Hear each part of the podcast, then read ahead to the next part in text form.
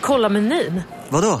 Kan det stämma? 12 köttbullar med mos för 32 spänn. Mm. Otroligt! Då får det bli efterrätt också. Lätt! Onsdagar är happy days på IKEA. Fram till 31 maj äter du som är eller blir IKEA Family-medlem alla varmrätter till halva priset. Vi ses i restaurangen på IKEA. Dagens vinnarprognos från Postkodlotteriet. Postnummer 65209, klart till halvklart och chans till vinst. 41101, avtagande dimma med vinstmöjlighet i sikte. Övriga 10 500 postnummer soligt och möjlighet att vinna. Oavsett när sommaren kommer till dig så kan du och dina grannar få dela på 48 miljoner i sommaryran. Ta chansen nu i maj på Postkodlotteriet.se. Åldersgräns 18 år. Kontakta stödlinjen om du eller någon anhörig spelar för mycket. Ni är med om det största. Och det största är den minsta. Ni minns de första ögonblicken. Och den där blicken gör er starkare. Så starka att ni är ömtåliga. Men hittar trygghet i Sveriges populäraste barnförsäkring. Trygg Hansa. Trygghet för livet. Vill du lyssna på fler poddar efter dagens avsnitt kan du alltid ta och lyssna på Skarpt Podcast som handlar om djupare och samhällskritiska frågor och även på Magic Monday ifall du vill höra något lite mer spirituellt. Vill du veta mer besök gärna deras Instagram skrpt.se och magicmonday.se. Nu börjar Spökpodden. Hej och välkomna till Spökpodden. Det är jag som är Fredrik och vid min sida har jag Oskar är på plats. Härligt att höra. Det är en eh, ny vecka nu och eh, jag börjar installera mig så smått här i den här stora staden Trollhättan. Mm. Eh, vi sitter lite godare nu. Eh, vi har fått bort alla flyttlådor och flyttkartonger. Det ekar inte riktigt lika mycket nu heller så att eh, vi har ju alla förutsättningar framför oss nu Oskar. Ja och förutom att jag får sitta lite på golvet då med ett lite mindre bord så, så är det ju om inte annat så är det väldigt mysigt. Ja, det är supermysigt och hundarna ligger och sover här bredvid oss också. Får se om de eh, vill vara med i dagens avsnitt också. det kanske blir så här tema med de här eh, fina hundarna. Det, vi, vi kommer utveckla det här till en djurpodd tror jag, tror du inte? Jo kanske. Grabbarna som pratar med hundar. Vad heter han som har det på tv? Han som mannen som pratar med hundar? Cesar. Ja, tror du att han är andlig kanske? Jag har aldrig tänkt på det. Det tror jag. Och sen så har vi en, en svensk snubbe också, han heter Fredrik Sten. Han är också superduktig på hundar. Kanske så han egentligen lurar alla människor att säga hur man ska lära upp då. Så är det egentligen att han pratar andligt med dem. Ja, telepatiskt. Ja, och säger typ sköter du inte er så Fan, kommer yxan nästa vecka. Man vet. Ja, men det blir spännande med, med hundarna och även dagens avsnitt. Idag ska vi prata lite grann om Eh, någonting som vi pratade väldigt mycket med, eller mycket, men vi pratade med LaxTon en del. Det var ju hemsökta föremål som de har i deras museum ju. Ja, de har ju ganska många föremål där och då kommer ju vi eh, på den briljanta idén att eh, det finns ju fler föremål än vad, vad det finns i deras museum och vi kommer ta upp några idag mm. och skrapa lite på ytan. Precis, och det är alltid roligt tycker jag för att eh, jag kom på, när jag gjorde research så kom jag faktiskt på mitt föremål jag hade hemma när jag växte upp. Så jag tänkte typ såhär, undrar om det var så att det föremålet var hemsökt. Har du kvar det? Nej, jag har inte kvar det. Och eh, jag undrar nämligen om det är så att mina föräldrar har bild på den. För det hade varit jättekul att eh, lägga upp det så man får se den. jag ska berätta historien om den också. Men eh, den var verkligen speciell och jag har aldrig tänkt på att föremålet kanske var hemsökt förrän jag gjorde research. Nej, men det är spännande med sådana saker. Och skulle det vara så att eh, någon av alla våra kända lyssnare har något hemsökt föremål hemma så ta gärna bild och skicka in till oss så kan vi presentera det på våra sociala medier och en liten historia kring det kanske. Det hade varit riktigt spännande.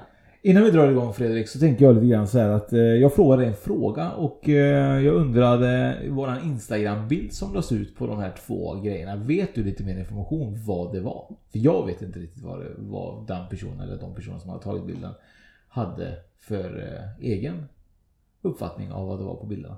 Nej, det var en, eh, en lyssnare som skickade eh, bilderna till mig och eh, med en fråga om eh, jag kunde få till med någonting eller visste vad det kunde vara för att hon upp, ja det är en hon, det spelar ingen roll om jag säger det hon upplever eh, närvaro i sin lägenhet och det tänds och släcks lampor och Även i, i tvättstugan där hon bor, är, hon tycker det är otrevligt där.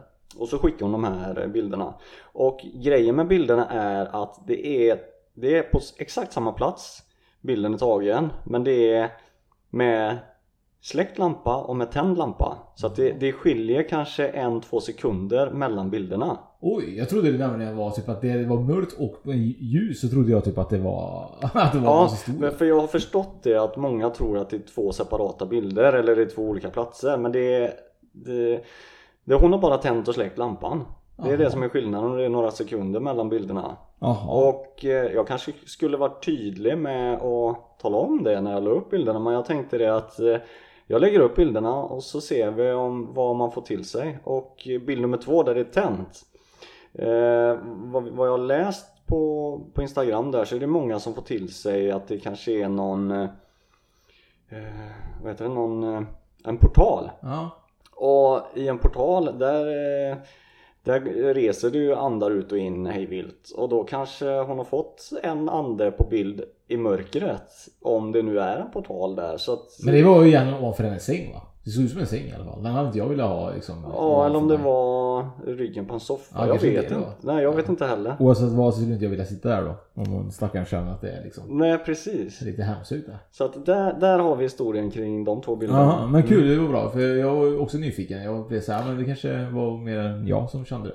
Ja precis, jag har hållit inne med det. Du har ju skickat till mig i veckan och frågat. Jag tänkte nej jag håller på den en stund till. Fick inget svar. Nej. Jag tänkte det var du som hade tagit bilderna hemma.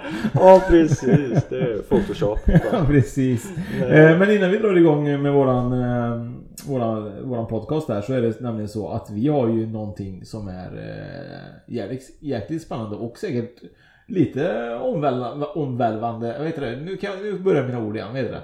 Omvälvande, heter det så? Omvälvande. Ja, det låter vackert. Eh, som, eh, som vi kommer göra. Vi hörde ju att eh, vi har ju haft Ulrika Druhagen som var med i vårt avsnitt och eh, även hon med Healing Doll som har en eh, retreat som ligger i Marks kommun ju, Sju Mm. sjöar. Sju sjöar ja. Och eh, där ska jag och du göra någonting den eh, 17 och 19 september och det är Four Elements Retreat ju. Det ska vi på och det ser jag fram emot. Det ska bli så spännande.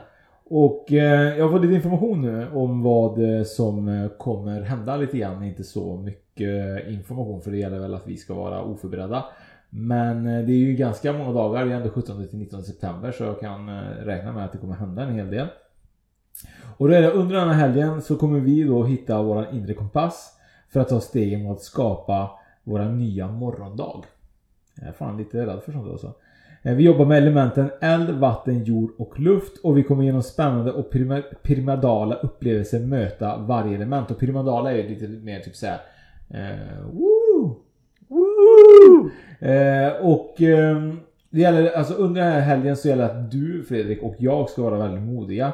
För vi kommer ställas mot massa utmaningar. Och ibland brukar det vara så att man brukar få en, en rejäl knuff under trumresan som Ulrika håller då. Och den eh, tycker jag känns verkligen spännande.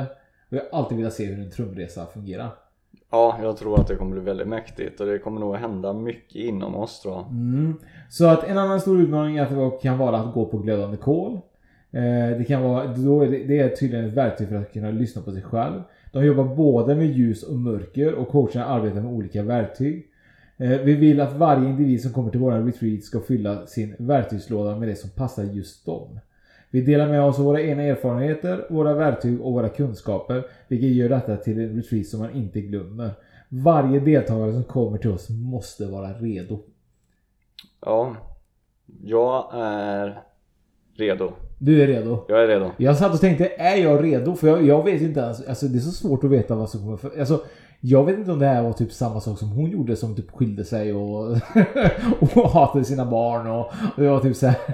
Jag undrar verkligen om det är, kanske jag kommer hem och bara säga nej, det, nej. Nej, det, det, det är slut med allting nu. Är Spanien nu som Ja, gäller? nu har jag vaknat. Nu har jag öppnat mig själsligt här så att eh, nu är det jag som gäller. Men, men, men är du rädd för sånt? Typ att dela med dig med folk som bara är typ främlingar som kanske sitter där egentligen och inte ska döma men egentligen sitter och dömer egentligen dig. Men jag tror inte att man åker inte på en sån retreat för att döma andra. Man är där av en anledning tänker jag. Man vill utforska någonting eh, hos sig själv. Eh, öppna upp någonting kanske. Eh, bredda sin horisont lite grann. Så att jag, jag tror att det är, vi kommer nog slippa dömande. Det, det dömandet som man kommer få tror jag kommer från en själv. Ja, jag vet. Ja. Jag är mest rädd att du ska döma mig Fredrik. Nej Fredrik, har du inte lärt dig efter podden att man måste ha stängt av ljudet och vibrationen på telefonerna? Nej, jag, jag lär mig aldrig vet du. Det... Jo då, jag, jag lär mig. Du lär dig till nästa gång. Så nästa vi- gång. Det här kommer vi ta upp i retreaten tycker jag. Ja, fan Fredriks surr. Så jävla surrandet. Eh, vi kommer ju då prata om eh, som sagt hemsökta föremål och det finns ju en hel del. Ja, det finns, det finns hur mycket hemsökta föremål som helst. Så att eh, det svåra var ju att välja ut några till dagens avsnitt. Ja, jag tyckte också det var lite svårt. Sen är det lite kul att det finns ju lite så här hemsökta föremål att köpa på Ebay och Amazon och så. Och då funderar jag, är de verkligen hemsökta eller är det bara folk som vill sälja? Ja, men jag tror att många föremål, eller föremål, men alltså se alltså det det finns ju hur mycket möbler som helst eller anti, antikvariat, antika möbler, speglar, allt möjligt sånt. Det, det måste ju finnas jättemånga sådana föremål med, som har varit med om Kanske det har hängt en spegel i ett eh, rum för länge sedan och så har någon gått bort i det rummet och så har de fastnat i spegeln och... Ja, det kan vara så. Jag kanske ska börja- med att berätta bara enkelt den historien jag hade när jag växte upp. Ja men gör det! Som jag verkligen inte har alls tänkt på förrän idag. Mm. Eller jag har tänkt på den, men jag har aldrig tänkt på den att den var hemsökt. Jag har bara tänkt på usch vad jag var rädd för den. Ja. Det var nämligen så vi hade, pappa hade köpt, just på en auktion hade han köpt en eh, staty. Och det var en sån här kopparstaty som hade Hon stod, det var typ som en indisk gudinna. Det var typ som en, typ en, en, en sån här eh, Vet du typ som du ser på bild. En indisk gudinna som stod verkligen och höll fingrarna som du vet om man håller bara tummen och p-fingret ihop och resten uppåt som okej typ. Som så du kan göra på emoji, så, emoji typ. Mm. Att okej som du brukar skicka ibland. Eh, så höll hon den och så höll hon andra handen neråt med handflatan framåt då. Och eh, när den dockan, nej dockan, när hennes kopparstatyn kom då, den var väl kanske en halv meter. Började känna re, re, re, rejält obehag från start alltså. Jag tyckte absolut inte om den här överhuvudtaget. Och när den började dyka upp så började jag drömma jättemycket mardrömmar. Det var extremt mycket mardrömmar om att hon hela tiden jagade mig och verkligen försökte verkligen ta livet av mig på alla sätt. Det var verkligen så. Hon började röra sig så fort mörkret la sig i mina drömmar. Och jag kände, var nog inte den enda som hade lite obehag av men det var nog flera av våra familjemedlemmar. Och det hände extremt, extremt mycket övernaturligt hemma hos oss. Och även idag börjar jag tänka typ om det var så att det här föremålet kanske var hemsökt. Men en dag så i alla fall så kommer jag ihåg att den, vi hade gömt den stativ. för jag tyckte den var så illa som min mormor som bodde hos oss. Hon visste det så hon hade lagt den här typ snett bakom soffan. Eller bakom en fåtölj. Och jag kommer ihåg att jag och syrran stod och kastade en boll. Och den här statyn hade typ som en spetsig krona. Som en kungkrona typ eller så gudinnakrona. Som hade flera typ så här Tiara typ, Ja, typ eller? som en tiara. Och den glömmer jag aldrig att den dagen så kastade syrran till mig tennisbollen och jag fångade den och då välte fåtöljen vet du. Och då penetrerar den eh, tiaran mig i örat. Och jag har fortfarande ärret kvar idag. Och jag är, alltså om man tänker efter, hade det bara varit kanske en halv centimeter så hade den penetrerat mig precis bakom örat. Bakom örat. Så hade jag satt ett pulsåder någonting typ, på, på mig. Så det var ju bara ren tur att den penetrerade mig rätt i öronsnibben. Och det sjuka är typ att jag har aldrig tänkt på det men jag tror att den här statyn ville ta livet av mig. Alltså. Jag tror verkligen det. Och jag vet att min mormor hade läst om den här statyn och hon sa att den här gudinnan då, eller den här vad den skulle poet, poetrera vad det heter. Den skulle egentligen, den visste om vem som skulle dö först i familjen. Oh, scary. Mm. Och den eh, vet jag min mamma sen eh, sålde vidare med huset. Och det sjuka är att min mamma sålde huset, vi bodde på Läxtorp i Trollhättan. Och det hände som sagt jättemycket aktivitet. Efter typ ett halvår så ringde han den nya ägaren till min mamma från ingenstans. Och frågade om det spökade huset. För att det hände så mycket och barnen vågade inte sova. Och mamma bara nej nej. Det har aldrig spökat i huset. Jag har inte hört något. Släng statyn. Sista timmen. Jag tänkte så här, Kan det vara så att det här hemsökta föremålet kanske var den som var grunden till allt som hände? Ja, men så kan det ju absolut vara. Vi, sådana historier har man hört tidigare. Helt sjukt var det. Läskig Det- staty alltså. Ja, riktigt läskigt. Det är, du skulle nästan eh, höra med pappa eller mormor om, om de hade en bild. Alltså Ja, mormor har ju gått bort då, Ja, men okej, mamma kanske har en bild någonstans. ja, om, om man kunde få namnet på den här gudinnan. Ja. Det hade ju varit Jag kanske kan googla upp den. ja, För jag vet exakt hur den ser ut. Superintressant. Så kanske vi kan ha den som cover typ på våran eh, Instagram nu, så de får se hur den ser ut. Ja, Superläskig staty alltså. Men har du varit med om någon sån här hemsökta som du trodde? gången? alltså jag vet inte om, om jag har haft något hemsökt föremål i mina ögon. Men det har ju hänt mycket eh, många saker i hus där jag har bott där eh, framförallt verktyg har försvunnit. Jag har renoverat alla boenden där jag har bott och när, ofta är det ju så att när man väl börjar ändra i hus och sådär så så på något vis så gillar inte vissa andra det. Det ska vara som det alltid har varit. Och jag har letat verktyg till förbannelse emellanåt. Jag vet eh, skruvdragare, sågar, hammare. Man har lagt dem på kvällen när man, eh, när man har avslutat sitt arbete och så ska man börja jobba dagen efter på eftermiddagen efter jobbet eller något sånt där. Så hittar man inte grejerna. Jag har letat saker, ja, jag har lagt timmar på det. På Alltså det är det värsta som finns när man vet att man har lagt någonting. Och Ja och så går man där och så är man förbannad och så tänker man ah, det är ungarna. Det är Anna. Fan har de gjort? Ja det är Anna. vad, vad har de gjort av det? Alltså vad är, vad är problemet? Lånar man en hammare, lägg tillbaka den då. Men, men att typ var och varannan. Ja men så tänker jag typ såhär, varför skulle din son springa runt och ta din hammare hela tiden? Det är inte så att han går runt och hamrar hemma liksom. Nej så, så kul är det inte. Nej och bara Jag hamra. kan inte ens komma ihåg när jag hamrade senast liksom. så inte så jävla, så jävla roligt är det inte. Nej eller hur. Så att, men nej jag har ingen. Inte vad, för jag har suttit och funderat på det här nu eh, inför avsnittet att har jag haft något sånt? Men jag, jag tror inte det. Nej. Nej. Nej, men det kanske kommer. Det är det som är så roligt att eh, den här resan som vi gör nu med, eh, med podden och så vidare får ju också en att kanske tänka tillbaka ibland på saker som vi inte har tänkt på tidigare. Så det kan vara så att du har varit med om någonting som du känner, eller kanske kommer vara med och tänka typ så här att ja men det kan, fan, jag kanske har köpt ett hemsökt föremål nu. För nu börjar det hända saker nu sen jag tog in den här klockan som sitter i, i vardagsrummet. För jag menar, förr hade det börjat hända saker hemma hos mig och jag inte haft podden så hade jag kanske aldrig reflekterat över att det var min antika klocka som jag köpte på typ antikladan. Nej. Men nu börjar man ju tänka lite sånt. Tänk, fan, det kan vara den här klockan jag köpte. Kan vara den. Ja precis, så nu kommer vi kommer aldrig köpa några mer begagnade grejer. Men det var ju det han berättade, Ola, när vi var på Resta Gård ju. Han Ja. som var med oss eh, och filmade lite så. Ola Udd då. Han berättade ju att, eh, att han har köpt en klocka som på eh, någon, någon loppis som var gjord av, om det var någon mentalsjuk person ifrån Resta Gård ju. Mm. Och när han hade tagit hem den så började det hända jättemycket aktivitet på övervåningen. Och sen eh, kände de väl av att de var tvungna att sälja den och då det någon annan då stackars man eller kvinna som fick Ja, ta precis, över den. de, de fick ta över den hemsökt, de hemsökta grejerna. Så att, eh, nej men det är lite kul. Eh, Men vad har du att berätta om? Du har ju också några historier. Vi har ju några långa och vi har några korta och vi har lite blandat och vi vet att vi får ta någonting som vi kanske hinner med ett par stycken så att du får gärna börja med någon vilken du känner. men jag tar en, en eh, lite kortare här då om eh, en eh, våningssäng. Det lät ju superläskigt. Ja det, det kan Jag tycker det är superläskigt med våningssäng. Men ja det är ju högt. Men inte annat, jag Ja. tycker det är superläskigt med våningssängen innan vi Mm. börjar. Det värsta är, jag kommer ihåg när jag såg på våningssängar och jag tar bottenplan. Jag är alltid rädd att överplanen ska falla ihop och krossa mig. Ja. Att typ, att en, alltså med några brädor på något sätt ska, du vet, de ligger ju bara på små, små hörn. Mm. Att det ska typ falla ihop och så ska det vara typ så här att man får någon över sig. Det är sån här bilpress Ja. liksom bara Ja, jag tycker det är jätteläskigt. Ja, jo, men det kan vara lite, lite halvscary så jag håller med dig. Men det här var i alla fall på, ja det är inte så länge sedan, det var på 1980-talet.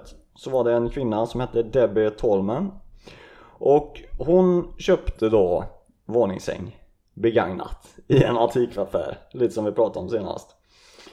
Och eh, hon, hon behövde inte den här våningssängen med en gång för att eh, hennes, eller hon och hennes mans barn, de var ju inte så gamla så att de ställde undan den här våningssängen i källaren i några år. Eh, och så stod den där och när barnen var tillräckligt gamla för att börja sova i våningssängen så plockade de upp den från källaren, ställde upp den på övervåningen och in i barnens sovrum då såklart. Och Strax efter det att man hade flyttat upp sängen så blev barnen väldigt sjuka. Eh, radion sattes på slumpmässigt, eh, TVn stängdes av och sattes på och det, det började ske jättemycket konstiga saker i, i rummet. Och en speciell natt så vaknade båda barnen eller föräldrarna vaknade av att barnen skrek bara rätt ut. Och när föräldrarna frågade då vad det var som hade hänt så sa båda två att de hade sett en häxa. Eh, som hade kommit ut från sängen. Från sängen? Ja. Fan vad läskigt. Superscary. Fan vad äckligt. Mm. Ja, riktigt eh, läskigt. Eh, och ehm, Sen så, vid ett annat tillfälle så kom Alan, Tolman, alltså Debbies man då. Han kom hem från jobbet en dag och så hörde han en röst säga Kom hit, kom hit! Och han trodde att det var någon ute i garaget. Men det var ingen där. Eh, och sen så sprang han tillbaka in i köket. Eh, och för han tyckte att den här rösten den flyttade sig. Men det var ingenting där heller. eh, och sådana här saker hände hela tiden. Fan. Från det att de eh, installerade våningssängen då. Men det måste ju vara så att det kommer från våningssängen och personen ser att det kommer ut en häxa ur våningssängen. Ja, så jäkla läskigt. Så det är ju lättare att koppla just till produkten eller till Mm. själva liksom eh, varan som man har köpt. Absolut. Så att eh, det var det lilla om den, den hemska våningssängen.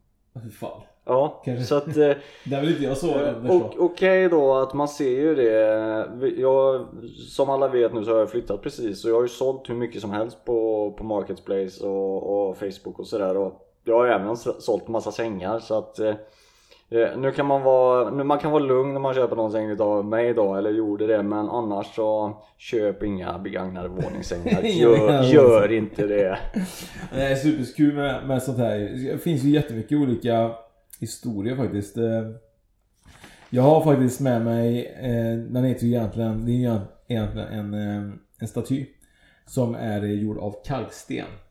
Och den heter egentligen eh, något annat på engelska men på svenska heter den Kvinnan i Lem då. Och den är ju döpt efter staden i Medelhavet i Cypern. Den upptäcktes då 1878 men man tror att den är över 3000 år gammal. Då.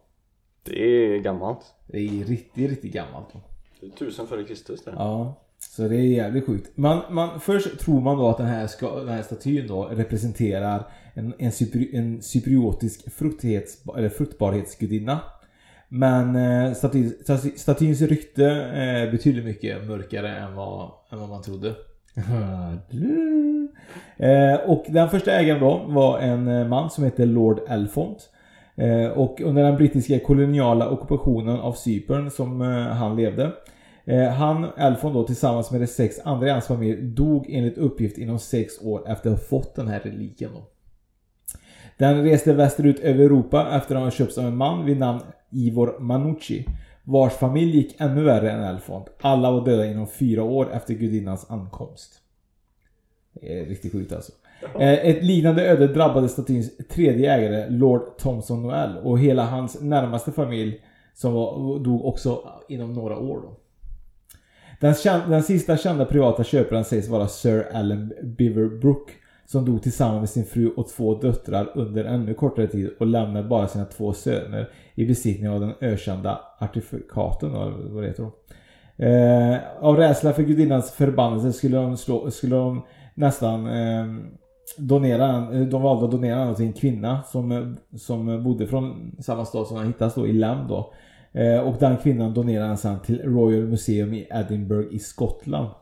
Ehm, eh, och nu har ju då den här ehm, ehm, statyn valt att eh, vara där. Men tydligen var det så att den som hade tagit stat- emot statyn, den liksom kvinnan som rörde statyn, hon dog efter ett år efter hanteringen av den här reliken.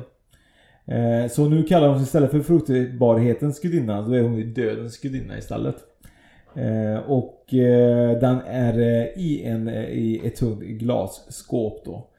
Så man vet ju inte om det är bara är så att det har varit ren tillfällighet eller om det på något sätt har en samband med de som äger statyn.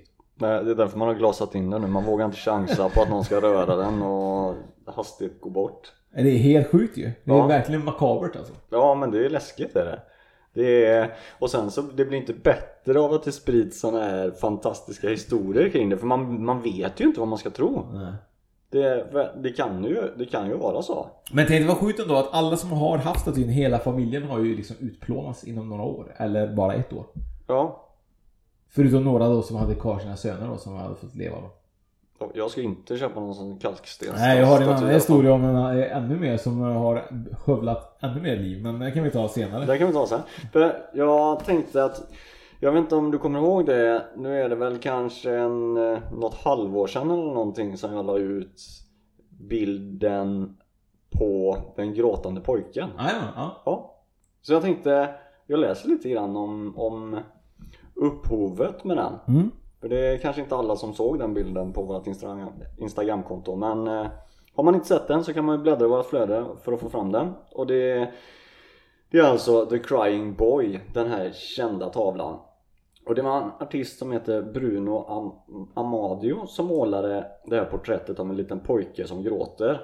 Och oavsett anledning eh, så blev den här bilden väldigt populär på 1950-talet. Och bilderna blev massproducerade. Och jag kommer ihåg det på, jag är född 75 och mitten på 80-talet, alltså den här pojken Gråtande pojken, den satt i vart och varannat eh, vardagsrum Vi hade alltså. Mm. Eller jag tror, ja, vi eller våran farmor. Jag hade inte den men jag vet att flera utav mina kompisar hade den och jag, ty- jag tyckte den var så sorglig den här bilden. I alla fall. Men... eh, Och rena pandemin över den. Precis! Och sen var det så att, eh, ja faktiskt på 80-talet så brann det, eh, det var ett hus som brann ner. Och det enda som lämnades, det var det här porträttet av den gråtande pojken. Det var det enda som var helt i den här husbranden. Och folk tyckte att det här var supermärkligt. Eh, och det hände fler än en gång. Alltså att han överlevde branden? Att tavlorna överlevde bränder ja. Jävlar. Och det var ju därför det, det började komma det här att man trodde att den var hemsökt. Så att själva bilden eller det som pojken var var väl då he- hemsökt kanske.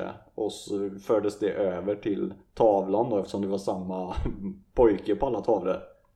Eh, Så man trodde ju det här i, i årtionden att, att den var hemsökt och demonisk. Men så var det så att en reporter från eh, BBC han eh, grottade in sig i det här, eh, just de här porträtten då och han kom ju fram till att de här bilderna var producerade med ett brandbeständigt lack. Så att, Sant? ja det är sant. Alltså en, En, secure typ. Ja precis.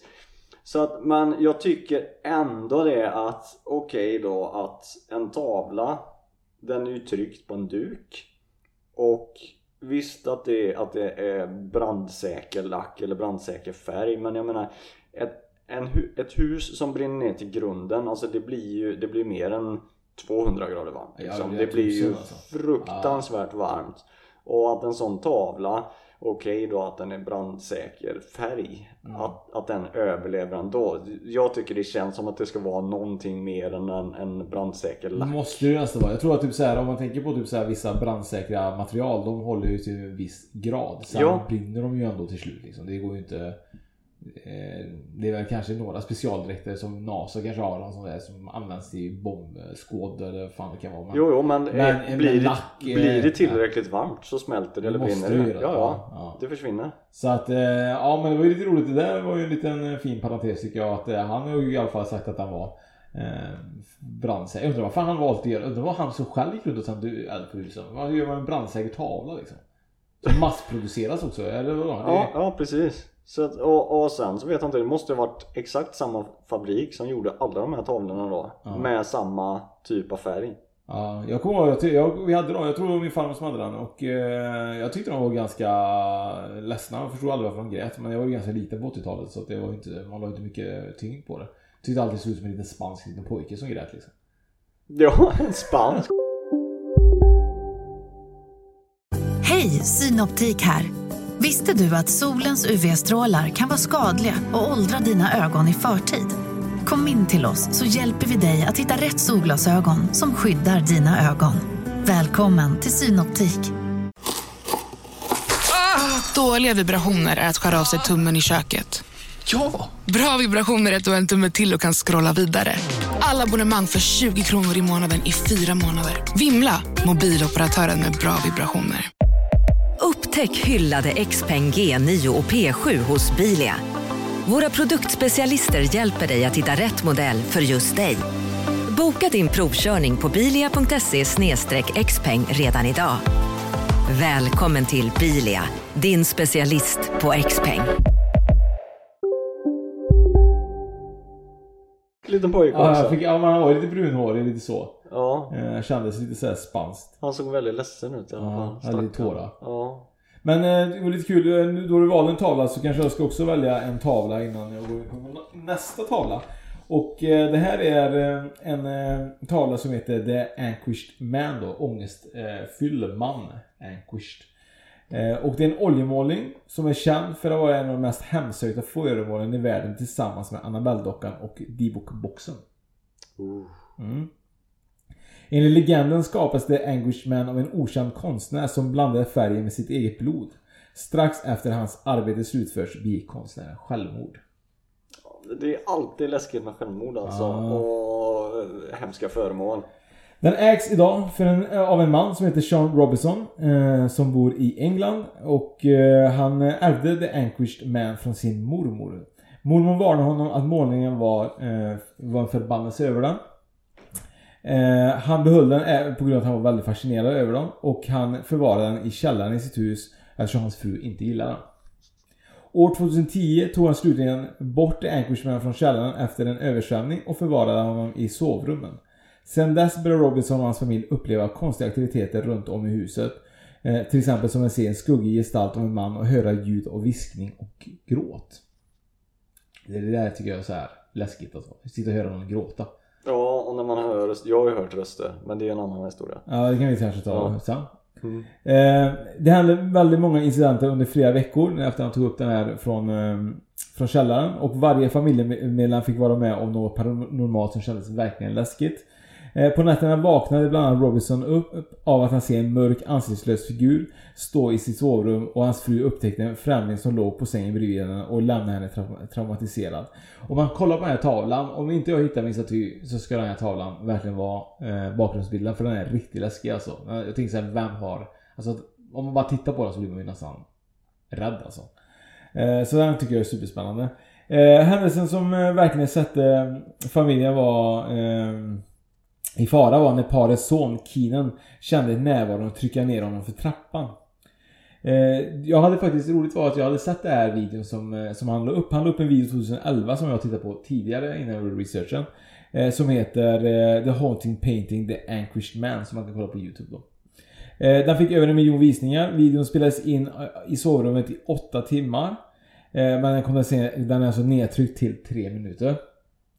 Det innehåller bilder av dörren, en dörr som stängs av sig själv medan målningen i rummet eh, är eh, placerad vid sängen. Eh, utöver det hörs ett kraftigt smäll och skrapljud i den här videon. Eh, sen när han la upp den här videon eh, så är det så att det är... Eh, eh så det, sen Robinson la upp flera videor och uppdaterat eh, om målningen så har det fångats ytterligare paranormala aktiviteter i huset som förvrängda ljud och mystiska spökliga figurer som springer förbi kameran då. Så han har ju lagt upp flera videos här efter detta då och alla har, upp, har ju någonting då. Eh, och jag tänker att den här videon eh, som vi gjorde nu då när vi spelade in med förra avsnittet med Pierre så var det så att jag la upp och du brukar ju lägga upp eh, brukar lägga upp någonting vi pratar om på Spökpoddens eh, hemsida som är spökpodden.se Eh, som vi kanske kan dra en parallell till. Och där kan man gå in och kolla på spökpoddens.se eh, lägger vi upp avsnitt på första sidan och så lägger vi upp den här videon med de här tre minuterna av den här spök, eh, spöktavlan. Och, eh, men det är ju nämligen så, självklart så tror ju folk, vissa som har gjort Discovery då, som gjorde en, eh, en, eh, en, ett avsnitt som heter eh, Weird or Not eller vad heter det. Och där var det så att det var ju en, eh, en eh, känd eh, skeptiker då som trodde att det kan ju vara så att han har dragit med någon fiskelina eller att det kan vara någon som han har hyrt in som springer framför kameran och så. Men Robinson var också med i avsnittet och han berättar att det är absolut inte är bluff. Och han förstår att folk självklart är skeptiker och kommer alltid vara det. Men han har absolut inte fejkat det och han har ingen förklaring ännu. Eh, han vägrar att förstöra tavlan, även om det är många som tycker att han ska göra det. Han förvarar den i sin källare. Eh, för att folk, eh, hans familj vill absolut inte ha fler upplevelser. Men det sägs också att det planeras en stor film om The Anquished Man. Ooh. Ja men det, alltså bara det som du säger att tavlan, att se på den För den är ju Den är ju ångestfull om den är alltså. Ja, om den är, att den är ja men man kan få verkligen, man kan nästan se Förmodligen hur han mådde, den personen då som gjorde självmord då. Mm. Det är ju säkert, han port, port, port, jag har svårt att prata svenska ibland alltså. Han porträtterar sig själv typ, kan man tänka sig. Hur han mådde inombords. Är det ett självporträtt? Nej men han... Nej, men av konstnären, ja. ja. konstnären. Ja, men precis. han gjorde ju förmodligen självmord för han mådde förmodligen väldigt illa. Ja. Så att på något sätt känns det som att han har lämnat över sina dåliga energier och sin ångest eller vad det kan vara. Han har lagt den i tavlan I tavlan med sin Ja. blod liksom. Fasen. Ja det är Det- weird. Ja det är weird är det. Mm. Det är lite, apropå när du säger eh, tavla och sitt eget blod. Det var någon eh, Något jag såg på TV, jag minns inte vad det var, men då var det en konstnär som Han målade eh, porträtt, eh, nej inte porträtt, han målade, han, eh, sån här Vad heter det när, när man inte målar någonting? Abstrakt. Man- abstrakt eh, konst då? Målar ingenting. Nej precis, han målar ingenting. Nej, men han, han, han målar abstrakt konst Med sitt eget blod Jaha. det, Ja, det, det är lite scary Det sjuka är att folk säkert köper för att tycker det säkert är liksom unikt. Ja det är ju väldigt unikt. Den som ska börja måla lite och göra lite konst kanske ska börja använda ditt blod till någonting Fredrik. Eh, Mitt blod ja, ja, ja, det får du göra. Absolut, kör bara. Jag kan tappa lite här under nästa avsnitt. Så blir jag lite tunn i rösten så är det det att jag börjar, gå låg på blod. Blir lite blek på Four Elements Retreat eller vad? Ja, precis. Åh jäklar. Ja, spännande är det i alla fall. Jättespännande. Mm. Eh, jag tänkte jag kan fortsätta med något annat då. Eh, The Dybbuk Box. Det finns ju flera olika sådana här boxar har jag förstått. Men här är en eh, liten historia i alla fall. Och i den judiska folktron så är ju en Dybbuk en vilsen själ av en död människa som infiltrerar en levande. Dybbuk är hebreiska och det betyder fäste eller infästning. Det är lömska små andar som gärna orsakar alla problem de kan för sin värld. Alltså de, de eh, possessar ju en, en människokropp då, det är därför de, de kallas för världar. Den gömmer sig i djupa avgrunder i marken, gärna på platser där stor oro har ägt rum. Till exempel krig eller olyckor, stora olyckor då. Då en människa passerar förbi så klänger den sig fast på ryggen eller hoppar in i kroppen på personen. Sedan lever den vidare inuti den människan och har total kontroll över personens handlingar. Med särskilda trollformer så kan man driva bort en dubuk. Ehm, och i den polska staden Lodz den 10 november 1938 utförde en grupp judiska kvinnor en seans där de försökte fånga en ond ande som, hade, som de hade råkat driva fram. Eh, till att fängsla anden så använde de en trälåda som en av kvinnorna hade tillverkat. Denna kvinnan överlevde kriget och emigrerade tillsammans med sin egendomliga låda till USA där kvinnan avled 2001 så hon blev 103 år gammal. Hösten 2001 så kom en antikvitetssamlare och småföretagare Kevin över den här tjusiga lådan Eh, som var dekorerad med två metallplattor i form av vindruvsklasar. Den som sålde lådan till honom berättade att han hade tillhört hennes gamla mormor som hade den förvarad i sitt sovrum och varnade alltid sina barn att aldrig någonsin öppna den då den innehöll en ond ande. Den gamla kvinnan önskade att få bli begravd tillsammans med lådan men detta stred mot reglerna eh, som var då och därför så begravdes inte den här hemska lådan tillsammans med kvinnan. Eh, Mannis frågade om hon skulle vilja öppna lådan med honom hon ville inte öppna den då hon ville hedra sin mormors begäran att aldrig öppna lådan. Hon hade ju blivit matad med det här sedan hon var liten att fan öppna inte lådan, den är läskig. Eh, och eh, Mannis erbjöd henne att få behålla lådan då den kanske hade ett sentimentalt värde för henne men hon, hon ville inte det och hon sa envist nej. Eh, köp den, jag vill, inte- jag vill inte veta av den mer. Eh, och till slut så bad hon honom att ta lådan och lämna henne, lämna henne på, man, på momangen, eller på direkten. Läskigt med såna här eh, grejer som finns alltså. Ja visst är det läskigt. Det är superläskigt faktiskt. Och vid den här tiden så ägde Mannis, mannen då, en mindre möbelrestaureringsfirma. Och han tog med sig lådan till sin butik för att senare snygga till den och ge den som en gåva till sin mor. Eh, Mannis öppnade butiken för dagen och åkte iväg några ärenden. Och sen så fick han ett telefonsamtal från en säljare i butiken som var skräckslagen och hysterisk och skrek att det var någon som var nere i verkstaden och slog sönder glas och svor och levde rövare där nere. Inkräktaren hade även låst igen butiken vilket gjorde att säljaren inte kunde komma ut vilket i, i sin tur gjorde det ja, riktigt otrevligt, otäckt. Eh, så Mannis, eh, han fick åka tillbaka och låsa upp butiken och när han kom fram så hittade han säljaren uppkrupen i ett hörn gråtande helt hysteriskt. Fy fan. Ja. Det... Och det slutade Han var så inte- tuff det då. Nej han var inte så tuff. Och Mannes han sprang ner i källaren där han hade verkstaden och blev helt överväldigad då det var en stank utav kattpiss som slog emot honom. Trots att det inte fanns några djur i butiken och det hade varit stängt. Lamporna fungerade inte och han upptäckte snart, upptäckte snart varför. Och det var att säljaren hade hört krossat glas som han sa. Och alla glödlampor och lysrör var krossade nere i källaren. Sjukt. Ja, helt sjukt. Eh, och ingen syntes ju till det här. Det hade ju bara varit säljande. Och det var låst från eh, insidan eller utsidan, jag vet inte vad. Eh, och när Mannes kom upp ur källaren igen då hade ju säljaren, han hade lämnat butiken för länge sedan och vägrade komma tillbaka. Och hon hade ändå arbetat där i två år i den butiken för honom. Eh, men nej, aldrig mer tillbaka. Eh, sen så fortsätter historien, den är, det, det händer så mycket kring den här eh, boxen så att vi skulle kunna fylla två avsnitt med bara massa historier kring det här. Men jag tänker att jag lämnar det där och vill man läsa mer om det så är det ju då den här Dybbuk-boxen ja. Jag tror jag har hört den, lite grann den historien och jag tror att han säljer den här till två collegekillar tror jag, vidare.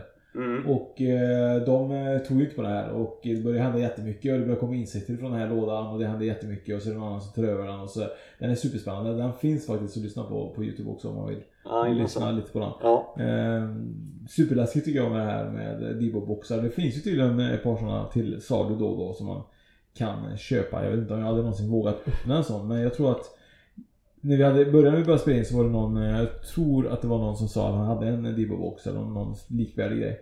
Som ville att vi skulle öppna det tillsammans för att göra YouTube-avsnitt. Men eh, min familj var typ så här: nej, nej, Ja, nej, du, aldrig att jag ska göra något sånt. Eh, jag, jag upplever inte mig själv som harig och rädd. Men det där skojar man inte om. Nej man gör nog inte det. Nej, nej, jag gör inte det i alla fall. Jag vet ju att du och jag har ju pratat lite om såna här dödliga lekar, om man ska spela in sånt där. Men därför jag vågar fan inte det. Alltså, där, där är jag harig alltså. Det är inte jag rädd för. Nej. Men, men eh, för jag tänker det måste vara jättemånga som har gjort det tidigare innan vi har gjort det. Så Ja, men vet du hur många som har dött i världen? nej, här? Du har ingen aning. Alla har lekt de här dödliga lekarna. Ja. Som har tyvärr fått lämna kanske har lekt en lek, man vet. Vem vet? Det är ju tyvärr så att eh, man vet ju inte egentligen inte vad, hur länge en sån här förbannelse kanske ligger i. Nej. Kan ju vara att man har lekt den här leken för eh, länge, länge, länge sedan och så kanske man är fortfarande hemsökt av den. Ja, eller så kom, kommer det hemsökta efter ett par år. Så har man svårt att koppla det till leken. Mm, det kan vara så enkelt. Mm. Mm. Tänk på det. Tänk på det. Eh, jag tänker lite grann så här. Jag har ju någonting som heter The Conjure-byrån. The Conjure-byrån. Byrån. Är det, är det typ The Conjuring? Finns det inte någon film så? Är det samma ord eller? Ja, jag tror att det Vad betyder, betyder- typ, eh, typ besatt eller hemsökt. Eller, Ja, ja. Jag vet inte exakt vad det betyder för att tydligen så är det så att eh, ibland kan det vara så att det är någon som lägger en eh, förbannelse och det heter typ conjure och sånt där. Mm. Något sånt där. Och, och, och, Voodoo.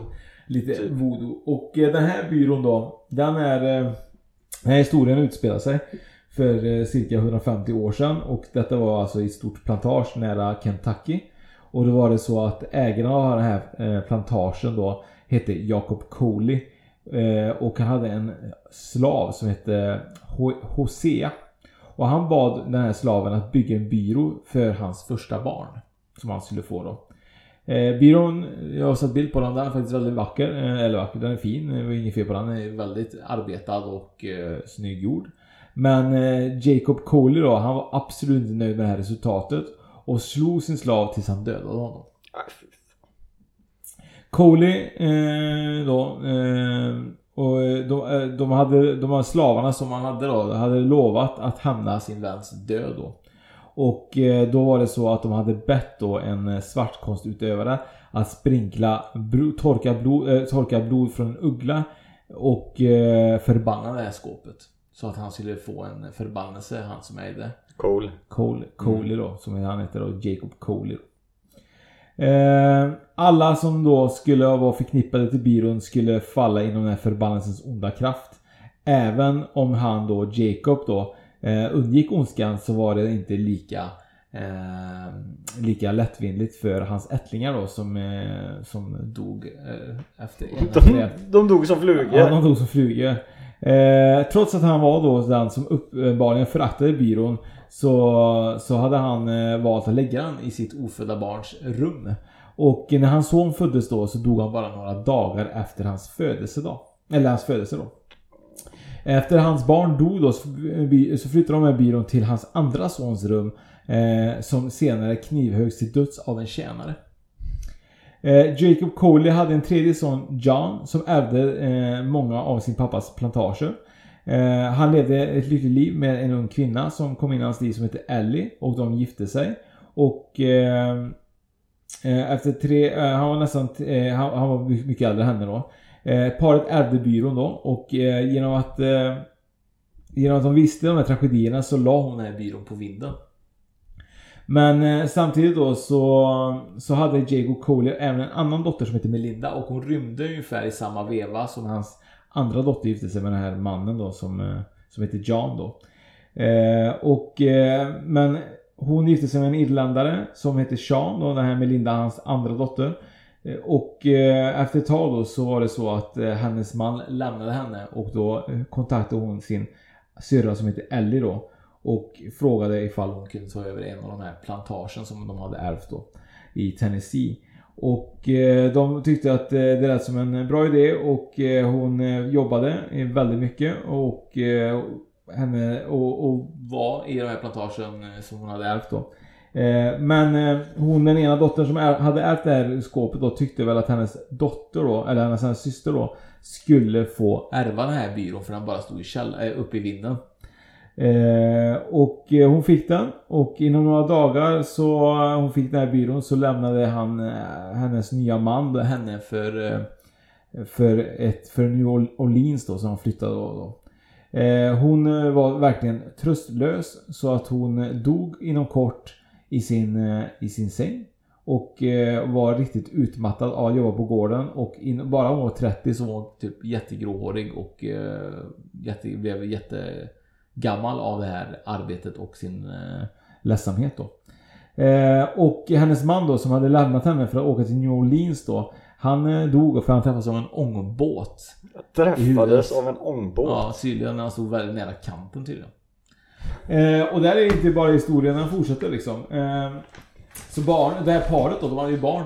De eh, lämnade många av deras barn eh, föräldralösa. Så John Coley då fick eh, jobbet att tilldela ungdomarna till nya familjemedlemmar.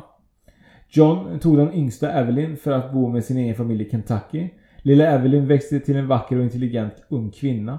När hon fyllde 16 var hon klar med examen som gav henne ett läkarintyg, lärarintyg och tog över ett rum, eh, som det fanns förr i tiden, ett rums skolhus då. Det var bara typ en liten, liten skola då. Hon träffade och, hon träffade och gifte sig med Scott. Eh, nej, hon gifte sig med, med en man som heter Malcolm. Han heter inte alls Scott. Jag vet inte var jag fick det ifrån. Han kanske skulle hetat det. Han heter Malcolm. Och efter två månader efter hon hade börjat undervisa så fick hon här, som skulle hon eh, få gifta sig då. Och så fick hon som bröllopspresent så fick hon den här byrån då. Den här byrån ärvs ju verkligen och fås av massa olika människor då. Eh, hon fick en eh, dotter då som, eh, som hette Arabella och så hade hon även adopterat en, eh, en, ett barn då också då. Men förbannelsen var nästan bortglömd då när hon fick den här byrån för det hade gått väldigt tydligen många år då. Men efter att Arabella gifte sig några år senare la Evelyn flickans bröllopsklänning i den här byrån. Och kort efter att hon hade lagt den här eh, bröllopsklänningen i byrån då så dog Arba, Ar, Arabelas dot, man då. Och Arabelas barn dog efter också att hon hade lagt babykläder i byrån. Det. Tre andra tragedier drabbade även Evelyns närmaste familj. Men Malcolm, var, eh, men Malcolm han kom undan. Han blev framgångsrik och eh, han hade en jätteblomstrande affärsimperium. Eh, Malcolm eh, som var ändå förmögen när han dog. Men trots dessa liksom eh, bekvämligheter då som Evelyn hade då. Eh, av efter att han hade gått bort då. Så tog hon sitt egna liv för att hon eh, tyckte väl att alla de här tragedierna som hade följt med den här eh, familjen har eh, varit för mycket som tog sitt liv då. Men kistan ärvdes av Virginia, eh, ärvdes eh, vidare till någon kvinna som heter Virginia Carey Hudson. Eh, hon, fru Hudson trodde ryktet om förbannelsen var bara hörsägen. Eh, hon hade verkligen fel. Hennes första bebis kläder växte in i kistan och bebisen dog. Eh, ett annat barns kläder var stoppade i lådan och eh, hon drabbades av infantil eh, förlamning. En tredje dotters bröllopsklänning förvarades också i byrån och hennes man lämnade henne. Även en man som hade lagt kläderna i byrån blev knivhuggen genom handen. En vän till familjen la jaktkläder i den och han sköts till döds i en jaktolycka. Totalt så var det 16 offer som föll, eh, offer, eh, som föll för, eh, ja, genom att ha varit i kontakt med den här byrån. Alla hade det här gemensamt att varit i kontakt med byrån eller ärvt den eller haft kläder i den då. Eh, hon, fru Hudson då, som hade ärvt den eh, bestämde sig för att stoppa förbannelsen. Eh, hon visste inte hur hon skulle lösa det men hon hade en gammal vän då som var en afroamerikansk kvinna vid namn Annie. Annie förstod förbannelsen och det är vad som kallas conjures då. Eh, och då sa hon att hon måste följa tre stycken eh, eh, villkor som måste fyllas upp då. De måste bli uppfyllda för att det här ska, förbannelsen ska brytas. Eh, det hon var tvungen att göra då var att få en död uggla utan att man skulle be om ugglan. För det andra måste den gröna bladen från en pilträd kokas eh, från soluppgång till solnedgång. Och den döda ugglan ska vara kvar i en sikte när det här händer. För det tredje skulle den, koka vätsk, eh, den kokta vätskan begravas i en kanna med handtaget vänd mot öster. Mot den stigande solen under en blommande buske. Fru Hudson då, hon fick ju uppfylla de här grejerna genom att hon hade fått en uppstoppad uggla. Eh, så det, för, upp, det uppfyllde första kravet. Fru Hudson plockade löv från en närliggande pilträd och kokade dem i en stor svart kruka. Ugglan fortsatte titta från en köksbänk. Hon eh, tog även en kanna och eh, riktade den mot öster och eh, kokade här under då den här blom... Den här eh, blommande busken då, som skulle vara eh, utåt då. Eller vara under. Eh, och Annie sa att det, det enda sättet man skulle kunna veta om förbannelsen hade brutits, brutits var då att under de första dagarna under hösten då skulle man antingen dö eller överleva. Och det man vet är att Annie dog i början av september då. Hon som skulle då hjälpa henne. Hon dog i, i början av september, den 17 och sista kändaste offret då. Den sista privata ägaren till byrån var fru Hudsons dotter Virginia C. Main. Och hon donerade till Kentucky History Museum 1976 då. Och förmodligen då om förbannelsen har tagits bort då. Men under eh, första byrån under om man tänker då att man stoppar in handen och så känner man upp till då. Mm. På locket om man säger så. Så fanns det ett kuvert som innehöll ugglefjädrar. Jag förstår det, den tog 17 liv den här byrån om det verkligen stämmer. Det, men den finns den där då? Den, den, Ja, den finns på museum. Ja, I och, Kentucky. och i och med att ingen Det är museet som äger den nu då och då kan den inte påverka fler människor då tänker jag eller? För Förmodligen den är- kan det vara så att hon tog med sig, att hon då, Annie då, som skulle bryta den här förbannelsen då. Men hon dog ju. Ja, men hon bröt väl kanske förbannelsen genom att hon kanske... Att hon dog? Ja, jag vet inte. Det står ju... Jag tänker lite grann som man kan se i, Ja, för- i filmerna eh, ibland att det kan vara så att... Oj, den öste in. Eller eh, Att det kan vara så att eh, det krävs kanske att... Eh, att han får med sig sitt sista offer. Som har försökt bryta förbannelsen. Ja, kanske. Eller så ingen Men som har jag- stoppat kläder i det. Jag uppfattar det som att om man dog så lyckades man inte bryta Nej. förbannelsen. Nej, det är så uppfattar jag den också. Ja. Men, men samtidigt så tänker jag typ så här att det är ju ingen som har dött sen dess. Nej, men om, om det då beror på att byrån gavs bort till en icke person utan till en stiftelse eller ett museum och då har byrån ingen, då vet den Nej. inte vem den ska Sant. slå till på. Sant. Den hade varit jävligt spännande att se om det hade hänt någonting om den hade gått Ja. vidare till någon. Och precis, den vill vi inte ha den byrån. Nej, jag vill Nej, inte ha den får stå kvar där på museet tänker jag.